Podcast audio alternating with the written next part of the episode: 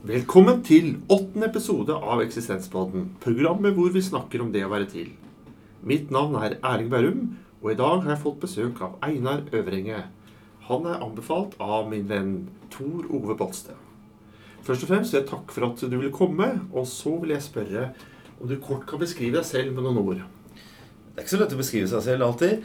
Men jeg heter også Einar Øvrenge. Jeg er eh, 54 år gammel. Eh, Jeg eh, omtales noen ganger som filosof, og da pleier jeg også å protestere litt. Fordi det er ikke strengt tatt en tittel. Eh, Det kan hvem som helst kalle seg, men hvis du gjør det, så bør du tenker jeg, helst være gresk og vært død i et par tusen år. Men, men eh, min bakgrunn er at jeg har en doktorgrad i filosofi. Har en ganske klassisk forskerutdannelse har jobbet på forskjellige universiteter, eh, men har også jobbet veldig mye direkte med mennesker i arbeidslivet.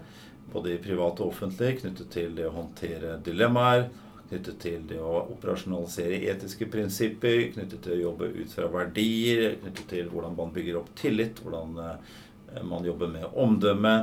Eh, si, hvordan man bygger en god ytringskultur. Og jeg liker å jobbe veldig konkret, altså med dilemmaer, caser og problemstillinger. Og hele tiden hvordan vi kan øve opp evnen til å betrakte en sak fra litt forskjellige perspektiver. Bli flinke til å utøve et godt skjønn. Bli flinke til å si hm, hvordan ser det ut fra denne kanten? Og bli flinke til da å ta ganske gode beslutninger. Så det jobber jeg eh, mye med, samtidig som jeg nå har en stilling med det som heter Høgskolen Innlandet. Er det noe ved ditt liv som du tenker kan være greit å nevne for lytterne, så de får noen liksom knagger og fester på? Nei, det vet jeg ikke. Jeg har gjort litt mye rart, egentlig. Men, men eh, all, noen ganger lurer jo folk på hva, hvorfor man er interessert i filosofi, og hvorfor man har begynt på en sånn utdannelse osv. Eh, om det har noe med personlige egenskaper å gjøre. Ja, kanskje i en viss grad at jeg har alltid hatt en litt sånn antiautoritær eh, side ved meg. Det er ingenting som har fått meg til å bli mer frista til å utfordre ting enn møte med selvoppnevnte autoriteter. Og det er jo kjernen i filosofifaget. Kjernebegrepet, eller kjerneinnstillingen i filosofien, det er jo ikke svaret, det er spørsmålet. Hvorfor? Hvorfor er det sånn? Hvorfor må det være sånn? Eller må det være sånn, egentlig? Eller hva om? Det er å utfordre ved å stille spørsmål. Eh, gode autoriteter liker det. Eh, dårlige autoriteter liker det ganske dårlig. Eh, og jeg blir veldig på vakt der hvor folk mener at folk må slutte å stille spørsmål, eller der noen mener at folk må slutte å gi til kjenne sine synspunkter og ytringer, eh, eller der hvor de, noen tenker at vi vet svaret, så vi trenger ikke at andre kommer med sine svar, for de vil helst ikke ha, eller noe sånt noe. Da kjenner jeg at eh, det begynner å vibrere litt i meg. Så det er nok ganske grunnleggende en innstilling som går ganske overens med filosofifaget, slik jeg skjønner det. Du har også blitt bedt om å velge ut en grunnleggende dimensjon ved det å være til som menneske. Og hvilket tema har du valgt for dagen? Da har jeg valgt følgende. Eh, En tematikk som eh, litt løselig hentet fra Kirkegård. Danske filosofen. Fantastisk spennende tenker. Eh, Og det Et sted så sier han noe Nå vet jeg ikke om jeg kjører sitat, eller om det er en parafrase, men det er ikke så farlig. Men han sier at det å være en person er å være en relasjon. Og hva betyr egentlig det? Og da tenker han slik jeg forstår det, at én ting er at vi har relasjoner med andre mennesker. og Det har vi. Vi må ikke ha det. Vi kan, vi kan flytte ut i ørkenen helt for oss selv. Men fortsatt så slipper vi ikke unna relasjonen. For det han snakker om, er det å være en person. Det er å stå i forhold til seg selv. Og forsøke å finne ut av seg selv. Og dette har å gjøre med at vi tar valg og beslutninger. Vi blir i grunnen aldri ferdig med å finne ut hvem vi skal være og hva vi skal gjøre. Det pågår. Og det er helt konkret, dette her. Stadig vekk så må vi stille oss et spørsmål. Skal jeg gjøre sånn eller slik? Hvilke beslutninger skal jeg ta? Jeg har kanskje lyst til å gjøre dette her, men burde jeg gjøre dette her? Kanskje jeg burde gjøre noe annet? Eh, Det er ikke gitt. Eh, Den fremtiden må du fylle med dine valg, og du driver hele tiden og forholder deg til deg selv. For du kan si at handlingene våre har to eh, kilder. Det ene er våre umiddelbare handlingsimpulser, altså ting vi plutselig får lyst til å gjøre. Det har dyr også. Mens vi mennesker er ikke utelukkende styrt av våre umiddelbare handlingsimpulser. Vi er også i stand til å styre dem fordi vi har en rasjonell sjel, sier Aristoteles. Vi kan utøve et skjønn, vi kan reflektere over det, og så kan vi tenke at jeg har vel kanskje lyst til å gjøre dette her, men jeg mener det er feil å gjøre dette her. Eh, jeg har kanskje lyst på godteri på en tirsdag, men så har kanskje jeg bestemt meg for å ikke spise det. Jeg har kanskje ikke lyst til å trene, men bestemmer meg for at det er viktig allikevel. Jeg kan, og så videre, så videre. Jeg er kanskje lyst til å kjefte på noen akkurat nå, men jeg skal vurdere at det burde jeg ikke gjøre. Eller jeg har kanskje lyst til å be noen eh, ikke komme drassende med sine synspunkter nå, men kanskje jeg skal tåle at de gjør det likevel. Så jeg kan vurdere mine umiddelbare handlingsimpulser og måler opp mot noen overordnede tanker om hvordan jeg ønsker å opptre og være som person. Hva er med på å bestemme den balansen mellom eh, disse to ytterpunktene? Er det noe som kan gjøre at jeg lettere faller for impulser, eller lettere klarer å kontrollere mine impulser? Jeg kommer an på hvem du spør. Det er vel de som mener at vi har personlighetstrekk, f.eks. Og så har de til og med forsøkt også å lage forskjellige skisser over typer. ikke sant? Alltid skeptisk til modeller eh, og mennesker. Ikke fordi det er noe galt, men fordi man glemmer at det er hjelpemiddel og begynner å tro at det er uttrykk for virkeligheten. Sånn at de er en sånn type person eller sånn type person. I beste fall så er modeller krykker, en måte å forstå og forenkle virkeligheten på. Men når det er sagt, så kan jeg godt være med på en siden at vi har trekk ved oss som mennesker som påvirker som, er ganske, som stikker ganske dypt i oss. Jeg har jo tre barn og har jo sett det at det er egenskaper og trekk ved de etter hvert som vokser opp, som er, som er, ganske stabile. Som gjør at de oppfører seg på bestemte måter, forstår ting på bestemte måter osv. Så, videre, så det er nok med. Men nå er jeg av den oppfatning at vi mennesker fortsatt er i besittelse av en grunnleggende frihet. Det betyr ikke at vi kan gjøre hva som helst eller bør gjøre alt vi har lyst til, eller at vi ikke er påvirket av noe. Men allikevel så sitter vi alltid i posisjon til å endre oss, til å overprøve våre egne handelsimpulser, til å presse oss selv til å gjøre noe annet, til å ta ansvar. Og hvis vi kunne antatt dette her, at vi hadde myndighet over oss selv, så ville det heller ikke gitt mening å tenke at mennesker har ansvar på noen som helst måte. Fordi vi, For at vi skal kunne påpeke det ansvaret for noen, altså bruke ordet 'bør', som vi gjør Det bør ikke sånn, eller bør sånn. Så sier altså opplysningsfilosofen Immanuel Kant at uh, bør forutsette kan. Så hvis du i en møteperson finner det rimelig å bruke ordet bør, så ligger det i sakens natur at du mener at denne personen kan da gjøre noe annet. Du ville aldri i verden henvendt deg til katt og si at katter bør ikke spise små, søte fugler. Katter bør ingen verdens ting, og det har de fått med seg. Og hvis en hund kommer løpende veien og biter av leggen, så tror jeg ikke du tenker at bikkja burde ikke ha gjort det. Men derimot hvis hundeeieren kommer løpende veien og biter av leggen da, Han er vel ikke helt god, antageligvis, men da kunne du ha sagt noe sånt som at det burde han ikke ha gjort. Så jeg vil da fastholde at det er igjen, uansett om vi er under masse press, både gjennom fristelser og ytre press, og trenger vi oss som personer, så er det igjen en rest som vi styrer gjennom våre valg og våre beslutninger. Og jeg forutsetter det. Og da er vi selve kjerneverdien i en tradisjon. Da er vi tanken om det autonome individet. Jeg syns det er litt positivt å høre, for det er også de som sier eh, 'Jeg er den jeg er'. Mm. Det er ikke noe å gjøre ved. Mm. Så syns jeg det er litt positivt å høre at du legger opp til at eh, vi har mulighet for å endre oss. Ja, Og det er jo empirisk et faktum. Å si at jeg er den jeg er. Du kan si at det er en syllogisme. Altså, ikke sant, eller hva. Det er, ja, det er jo sant i den forstand at, eh, at, at det er en viss bestandighet over meg. Den opplevelsen at jeg er meg, er selvfølgelig livet mitt. Men det betyr jo ikke at jeg er den helt den samme. Så kan du si at de empiriske vitenskapene om mennesker, psykologi og andre kan du si at forskjellige lag nederst kan du si at det er ganske grunnleggende og stabile egenskaper. Men det er jo én ting hvis det er noe man utforsker eh, også samtidig en kulturvær, at det behøver jeg slett ikke være. Jeg bør ikke engang være det kjønnet jeg er. ikke sant? Og tenker jeg at noen ganger slår litt for langt over i andre enden, så er jeg jo tilhenger av det vi kan kalle en moderat humanisme. Ikke en antihumanisme at vi er determinerte, at vi ikke har noe styring av oss selv, men ikke denne overdrevne eller at jeg kan gjenoppfinne meg selv, og det er ingenting igjen av det gamle meg. Det som er bestandig ved meg, det er at jeg driver og forholder meg til meg. Og må gjøre det med den historien jeg har, osv. Eh, og det er noe som er ganske stabilt. Men ja, endring er mulig. Og du verden, historien er ganske full av eksempler på at det faktisk er mulig. Men da ligger det i sakens natur at vi ikke bare vi må anerkjenne andre menneskers frihet, men vi må egentlig anerkjenne vår egen frihet også anerkjenne oss selv som autonome individer. Altså respektere vår egen autonomi. Der mener jeg eh, i et av teaterstykkene til Sartre at han eh, sier at vi mennesker unnflyr, unnflyr friheten. At det er noe vi syns er vanskelig. Ja, det gjør det selvfølgelig. Men Sartre påpeker også menneskesituasjonen ved å si at vi er det vi ikke er, og så er vi ikke det vi er. Dvs. Si at vi kan aldri fastholdes helt. Men så han, tar han jo noen kategorier fra Heidegger, som er min filosofisering om dette med å falle bort fra oss selv og sånt noe. Og nesten bruker det normativt og sier at vi unnflyr oss det. Og ja, helt konkret så er det en rekke situasjoner i dagliglivet hvor vi forsøker å unndra oss vårt ansvar. Du var 14 år gammel.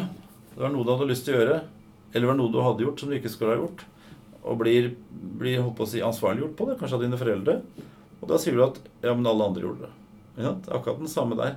Du forsøker å unndra deg din egen frihet. For uansett hvor sterk gruppen er, uansett hvor sterkt konformitetspresset er, så besitter vi fortsatt et personlig ansvar for våre handlinger. Og når vi da etterpå sier at ja, men alle andre gjorde det, ja, det er et forsøk på å unnfly. ikke sant? Istedenfor å ta den til det tider veldig tunge kampen å stå imot et konformitetspress.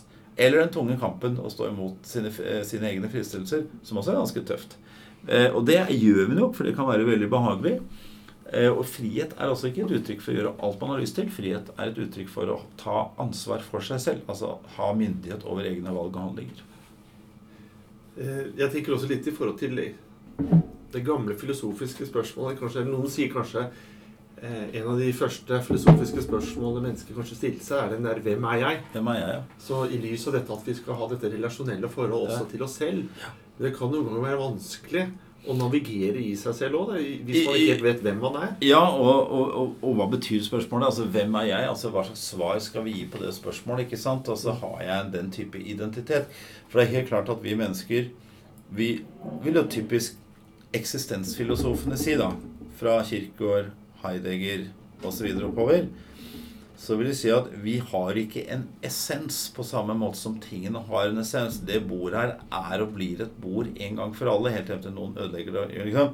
Og den stolen her, Den er ikke underveis. Den har blitt en stol. Og, den, og, det huset her er ikke underveis. Det har blitt et hus.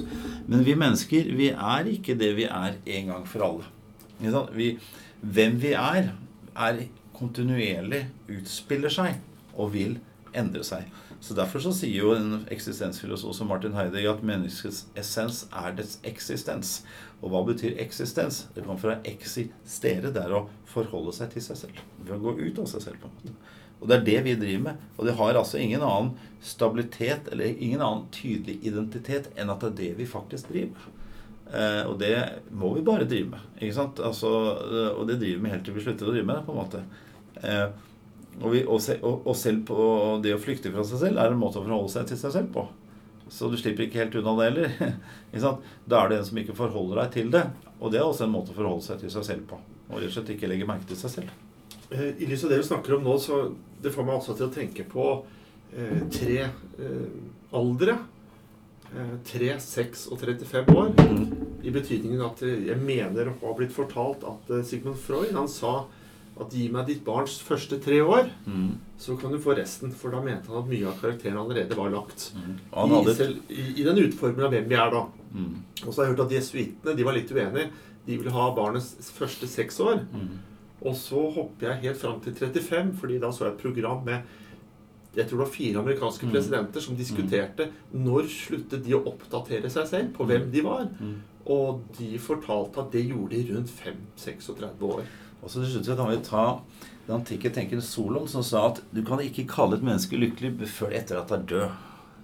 Mm. For det vil skje ting hele veien.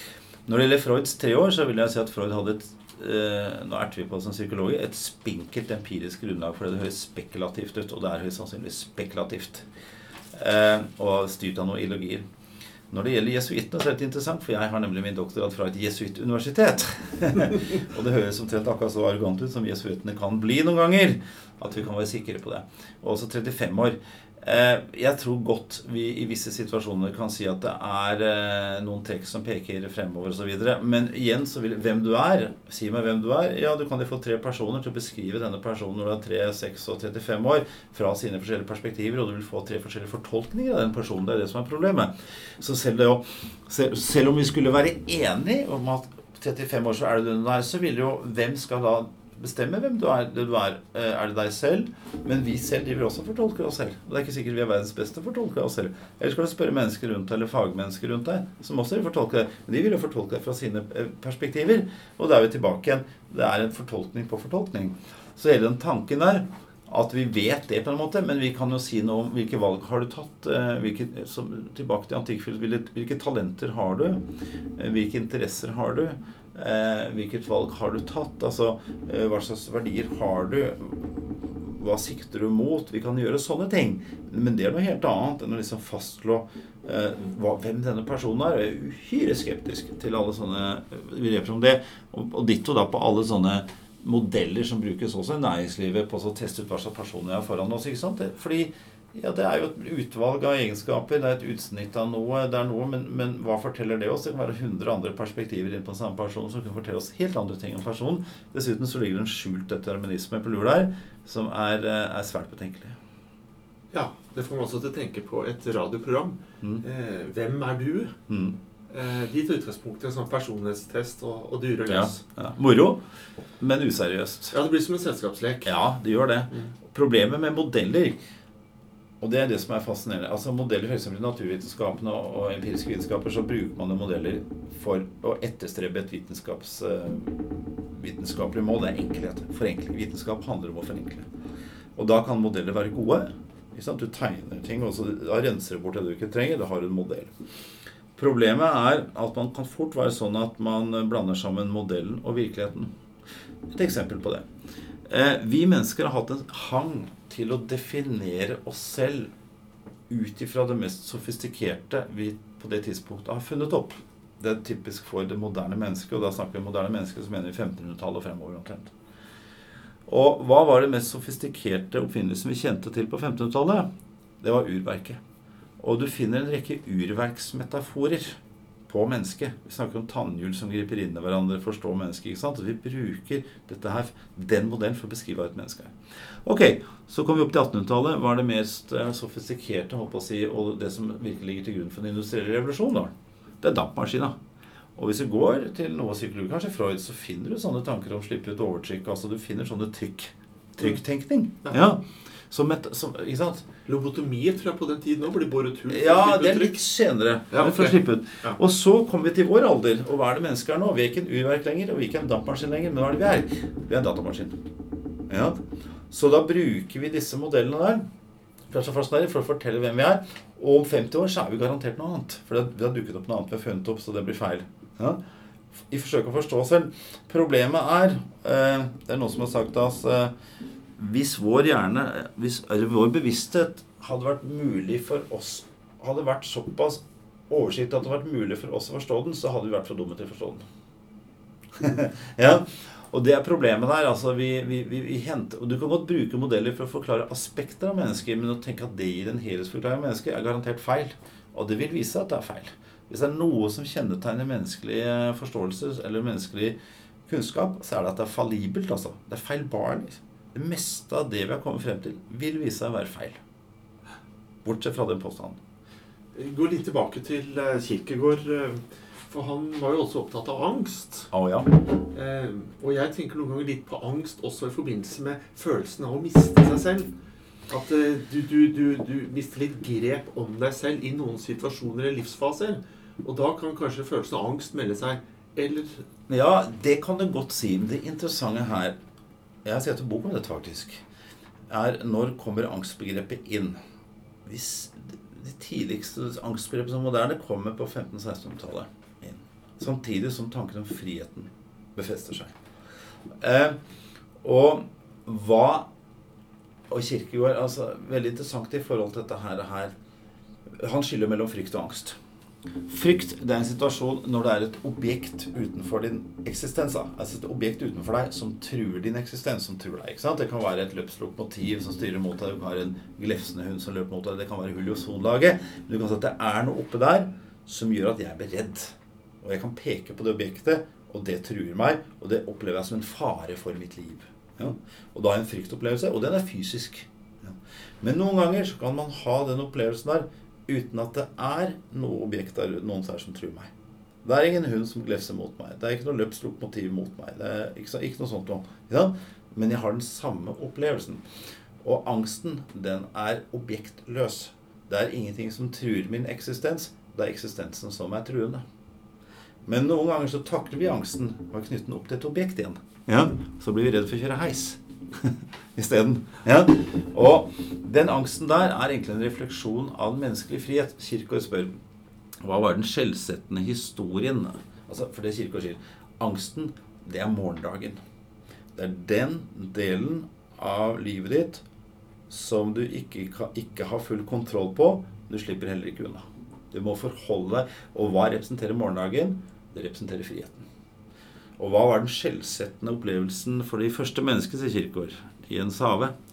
Der man tenker seg at det var at de forsynte seg av forbuden frukt. Men Kirkegaard sa at nei, den skjellsettende opplevelsen oppsto rett før. Det oppstod det Gud henvendte seg til menneskene og sa at dere kan forsyne dere av fruktene fra alle de trærne her, bortsett fra det tre, kunnskapens tre, og etter hvert også så må kjerubene passe på livets tre. Det var den skjellsettende historien. Opplevelsen hvorfor den? Gud ga menneskene et valg og skjenket de friheten. Hadde han sagt 'forsyn dere av fruktene fra alle tre trærne så hadde det ikke vært noe. Hadde ikke vært noe valg. Det hadde ikke vært noe frihet. Men nå måtte de ta et valg. Og det var mulig for menneskene å handle i samsvar med Guds bud og regel, men det var også mulig for menneskene å ikke gjøre det. Og nettopp ved å gi menneskene det valget, så skjenket Gud menneskene friheten. Og det spennende kirke å få fram der, hva er det som gir næring til frihet? Grenseløs eller grenser? Grenseløshet eller grenser? Grenser. Det er det samme som med barn. Det er ingenting som gir mer næring til opplevelsen av frihet enn motstand og grenser. Og det er ingenting som er så lammende som grenseløshet. Fordi man, vi må ha noe å frigjøre oss fra. Vi må ha motstand. Det tror jeg gjelder barn og ungdom også. Det må utsettes for motstand, for regler, for grenser. Og skal de selvfølgelig forsøke å bryte disse grensene her, også for kristningene. Og så skal de internalisere den evnen til å sette grenser for seg selv, sakte og sikkert.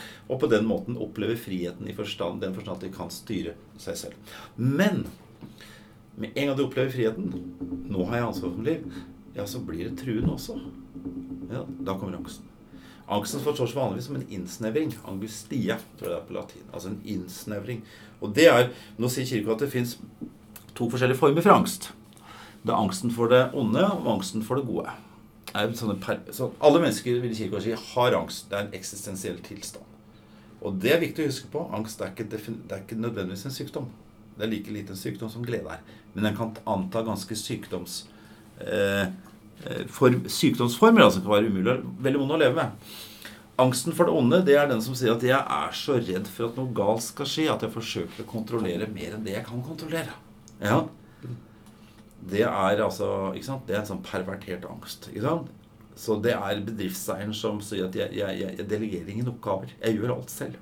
Eh, det er foreldrene som sier at jeg, jeg skal bare følge med ungene mine hele Jeg skal kjøre, jeg skal være med dem hele tiden. ikke sant? Jeg skal, de får ikke slippe til gata, ikke sant? og så videre, så videre. Jeg skal passe på, passe på, passe på. Og det er en sånn pervertert angst. Men så har Kirkegaard noe han kaller også angsten for det gode. Det kaller han den demoniske angsten. Og det er den som sier at jeg er så redd for at noe galt skal skje, at jeg velger å gjøre ingenting. For da har jeg ikke gjort noe galt. Vi har ikke gjort noen ting. Det er den lammende angsten. Til slutt da så sitter du oppå si et skap under trappa. Ja? Og den er trang. Vi trangere og trangere og trangere. Men eh, han knytter nok nesten fysisk den angstopplevelsen til menneskets vei fødselen gjennom fødselskanalen. Fra et sted hvor du ikke har frihet, hvor du er determinert i livmoren, til du presses gjennom den trangheten, også ut i en verden, og navlesengen krypes, og der er du og skal gi mening til livet ditt. ja? Så, så, det er en fysisk opplevelse. Men det som Kirkegaard sier Og Heidegger har jo overtatt disse angstanalysene ved Kirkegaard. Hva er det som skaper refleksjon? Og det Heidegger er opptatt av, hvilke erfaringer i daglivet er det som kan skape refleksjon for oss? Og da trekker han frem angstopplevelsen. Hvorfor det? Jo, fordi verden eh, trer frem på en helt bestemt måte for oss i angstopplevelsen. Det, en måte verden trer frem for oss, er at de tingene vi bruker, ikke fungerer lenger. De blir synlige fordi de, de fungerer ikke. De står i veien for oss. De ikke fungere. Eller det kan være at jeg ikke fungerer. Det stopper opp. Jeg begynner å spørre til meningen med tilværelsen. Hvorfor er vitsen med dette her? Og da står jeg altså ansikt til ansikt med de eksistensielle betingelsene i livet. Jeg vet ikke om det er noe mening med det hele. Og uansett, vi bruker livet for å bygge og bygge og bygge, og alt skal bli til støv i universet. ikke sant? Eh, alt, alle, alt, og alle vi elsker, skal bli borte. ikke sant? Og hvorfor bruke så mye krefter på dette her da? Og Det er jo ikke rart at vi stiller sånne spørsmål. For selve setningen, det, liksom, å gi mening til livet, det i seg selv kan nesten være angstfremkallende. Men eh, jeg mener eh, Albert Camus sa at selv om livet ikke har mening, syns jeg likevel det er verdt å leve. Ja, og det er med utgangspunkt i en bestemt type hendelse, ikke sant? Ok, Ja. Det kjenner ikke jeg til. Nei da, men ikke sant? Det er jo han eh, godeste karen fra gresk mytologi som skal rulle en stein opp en bakke. Mm. Ja, Sisyfos. Sisyfos-opplevelsen, ikke sant? Mm. Som har lagt seg ut med saus. Han blir, eh, han blir eh, dømt til å tilbringe evigheten i en hule hvor han skal gjøre, hvor han skal gjøre én bestemt ting. Det er å trille en tung stein opp en bakke. Og når den steinen er nesten på toppen, helt, så skal den trille ned igjen. Hver gang. Til evig tid. Og det er som kjent lenge. Og der sier Camille at der finner vi det eneste interessante filosofiske spørsmålet å stille oss. Hvorfor gidder vi? Ja. For du blir Dette er det livet går ut på. Ikke sant?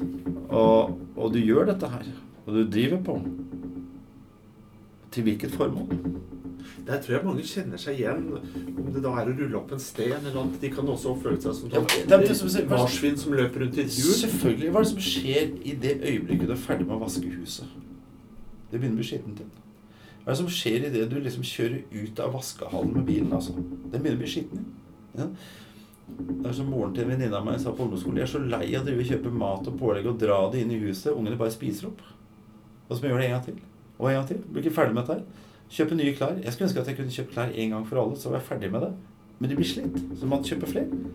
Og så driver man med dette her. Mat, alt vi driver med, må vi bare gjøre en gang til. Det er altså ingenting vi kan gjøre en gang for alle.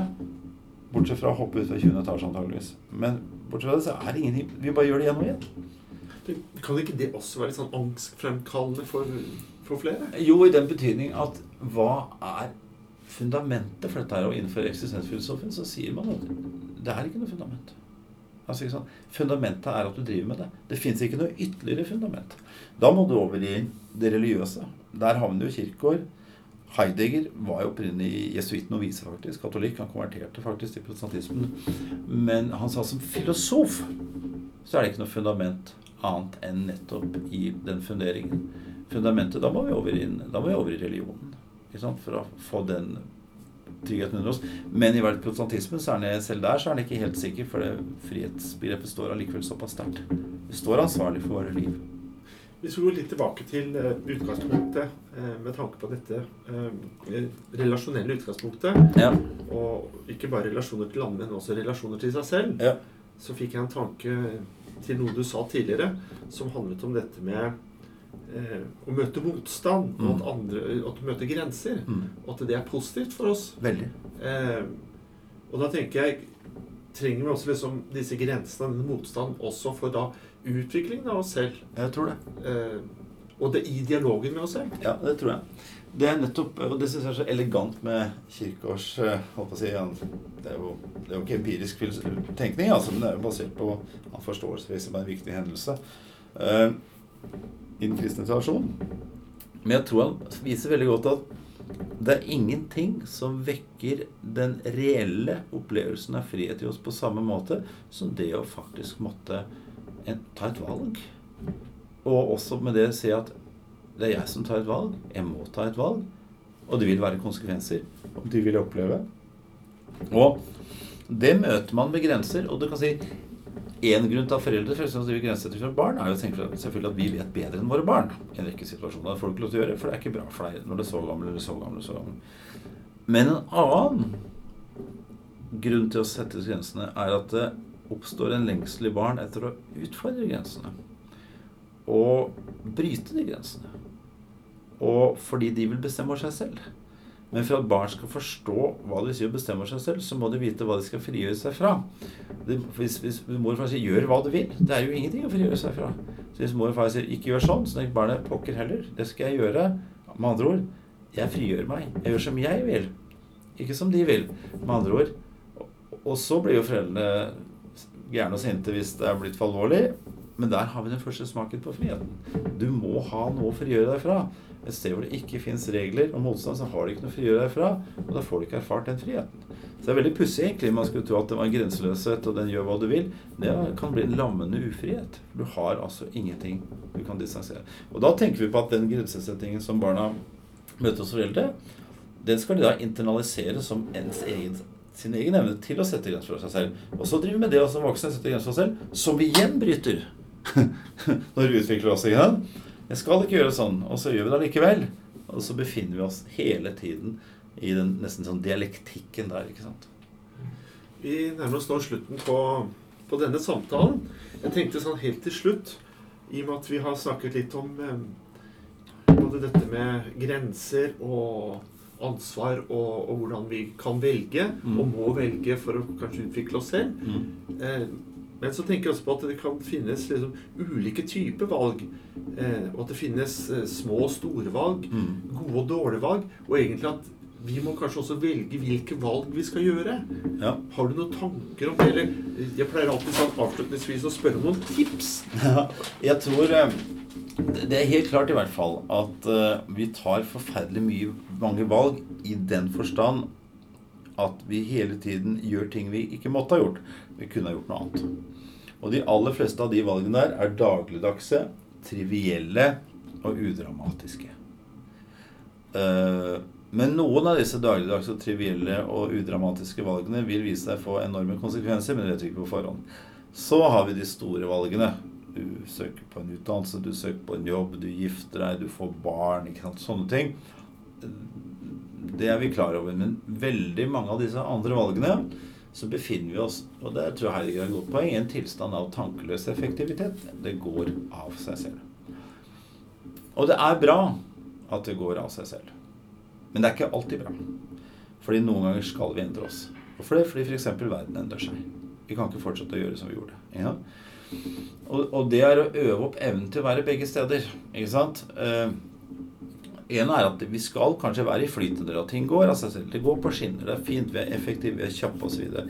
Men vi må også, når virkeligheten inviterer oss til det, vi når ting egentlig ikke går som forventet, når det bryter sammen, når det stopper opp ikke lenger, å gripe den muligheten til refleksjon. Og ta det skrittet til siden og, og bli filosofer. Eh, for det er det jeg tenker at hva, filosofi det er nettopp den å håper å si, ta det skrittet til siden, egentlig.